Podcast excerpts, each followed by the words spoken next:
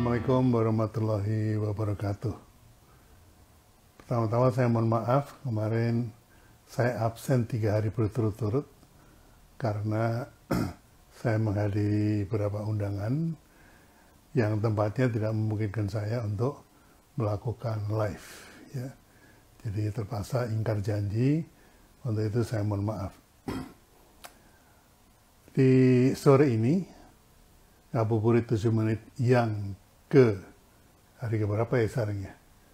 uh, hari ke 17 ya mestinya. Sampai nggak ingat hari.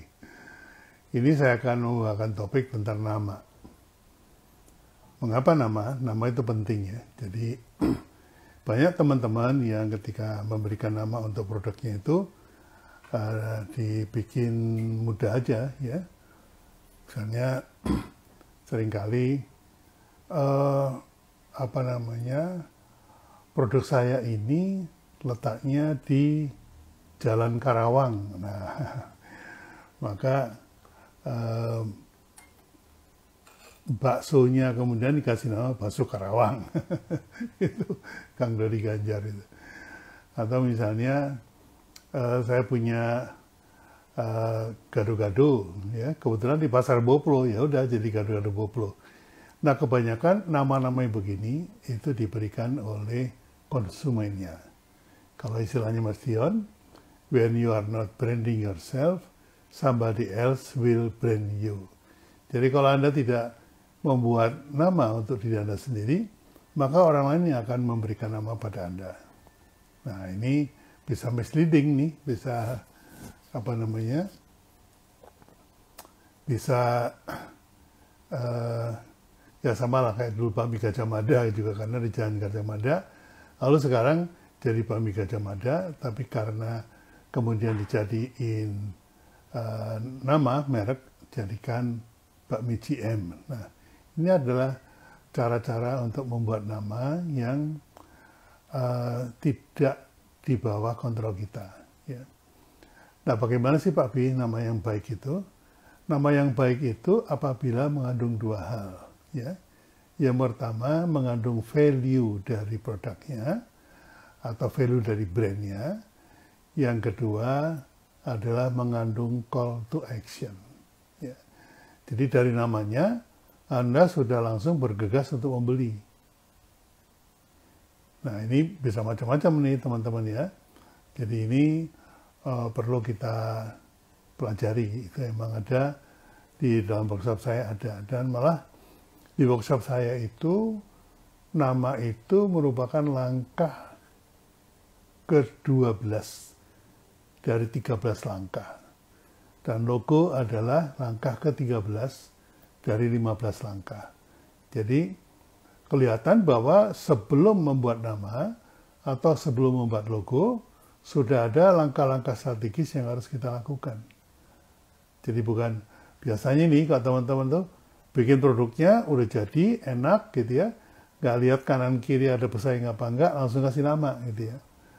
Nah banyak tuh kayak eh, apa namanya tahu petis Yudhistira itu karena di Semarang itu adanya di Jalan Yudhistira jadi seperti itu. Nah yang bagus itu namanya gimana Pak nama yang mempunyai call to action dan mempunyai value. Contohnya nama sebuah produk untuk uh, uh, apa namanya itu krim yang mengurangi rasa sakit. Nah, itu dikasih nama uh, counterpin. Counterpin itu dari namanya sudah menunjukkan value-nya apa, benefit-nya apa, dan juga uh, call to action. Ya. Counterpin, jadi melawan rasa sakit. Nah, teman-teman yang uh, apa namanya mendengar nama counterpin itu, Anda pasti uh, terjadi call to action di mana call to action itu maksudnya uh, panggilan untuk membeli ya.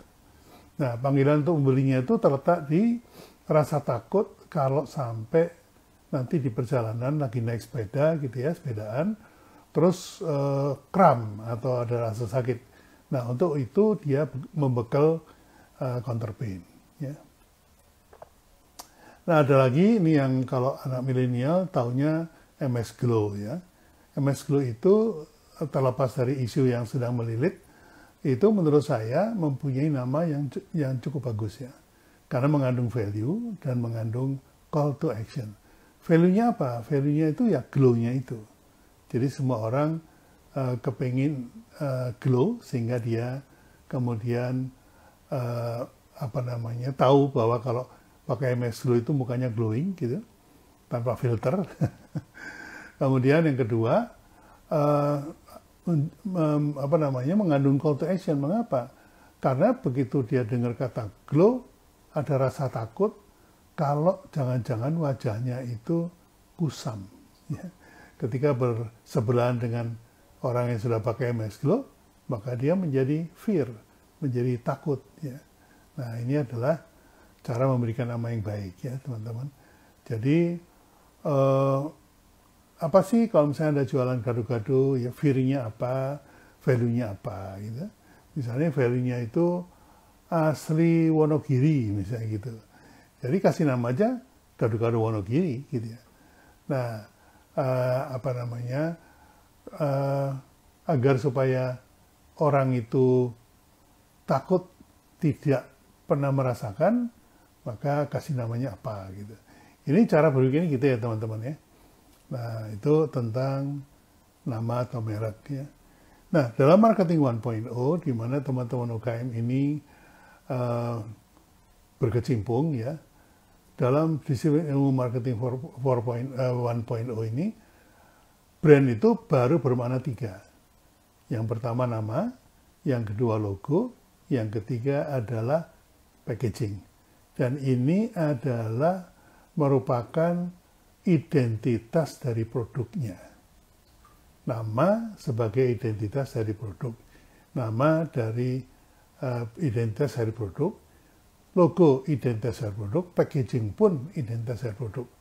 Nah, ini uh, yang dilakukan oleh McDonald.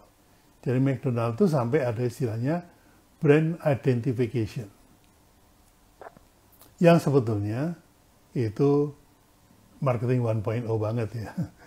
Masih mengacu kepada merek yang huruf M itu sama kemudian mengacu kepada kepada logonya yang huruf M itu dan kemudian juga mengacu pada kemasannya ya. Nah, itulah teman-teman.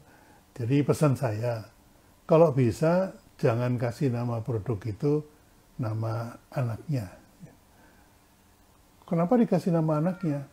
Oh karena nanti bisnis saya ini saya mau turunkan kepada anak saya.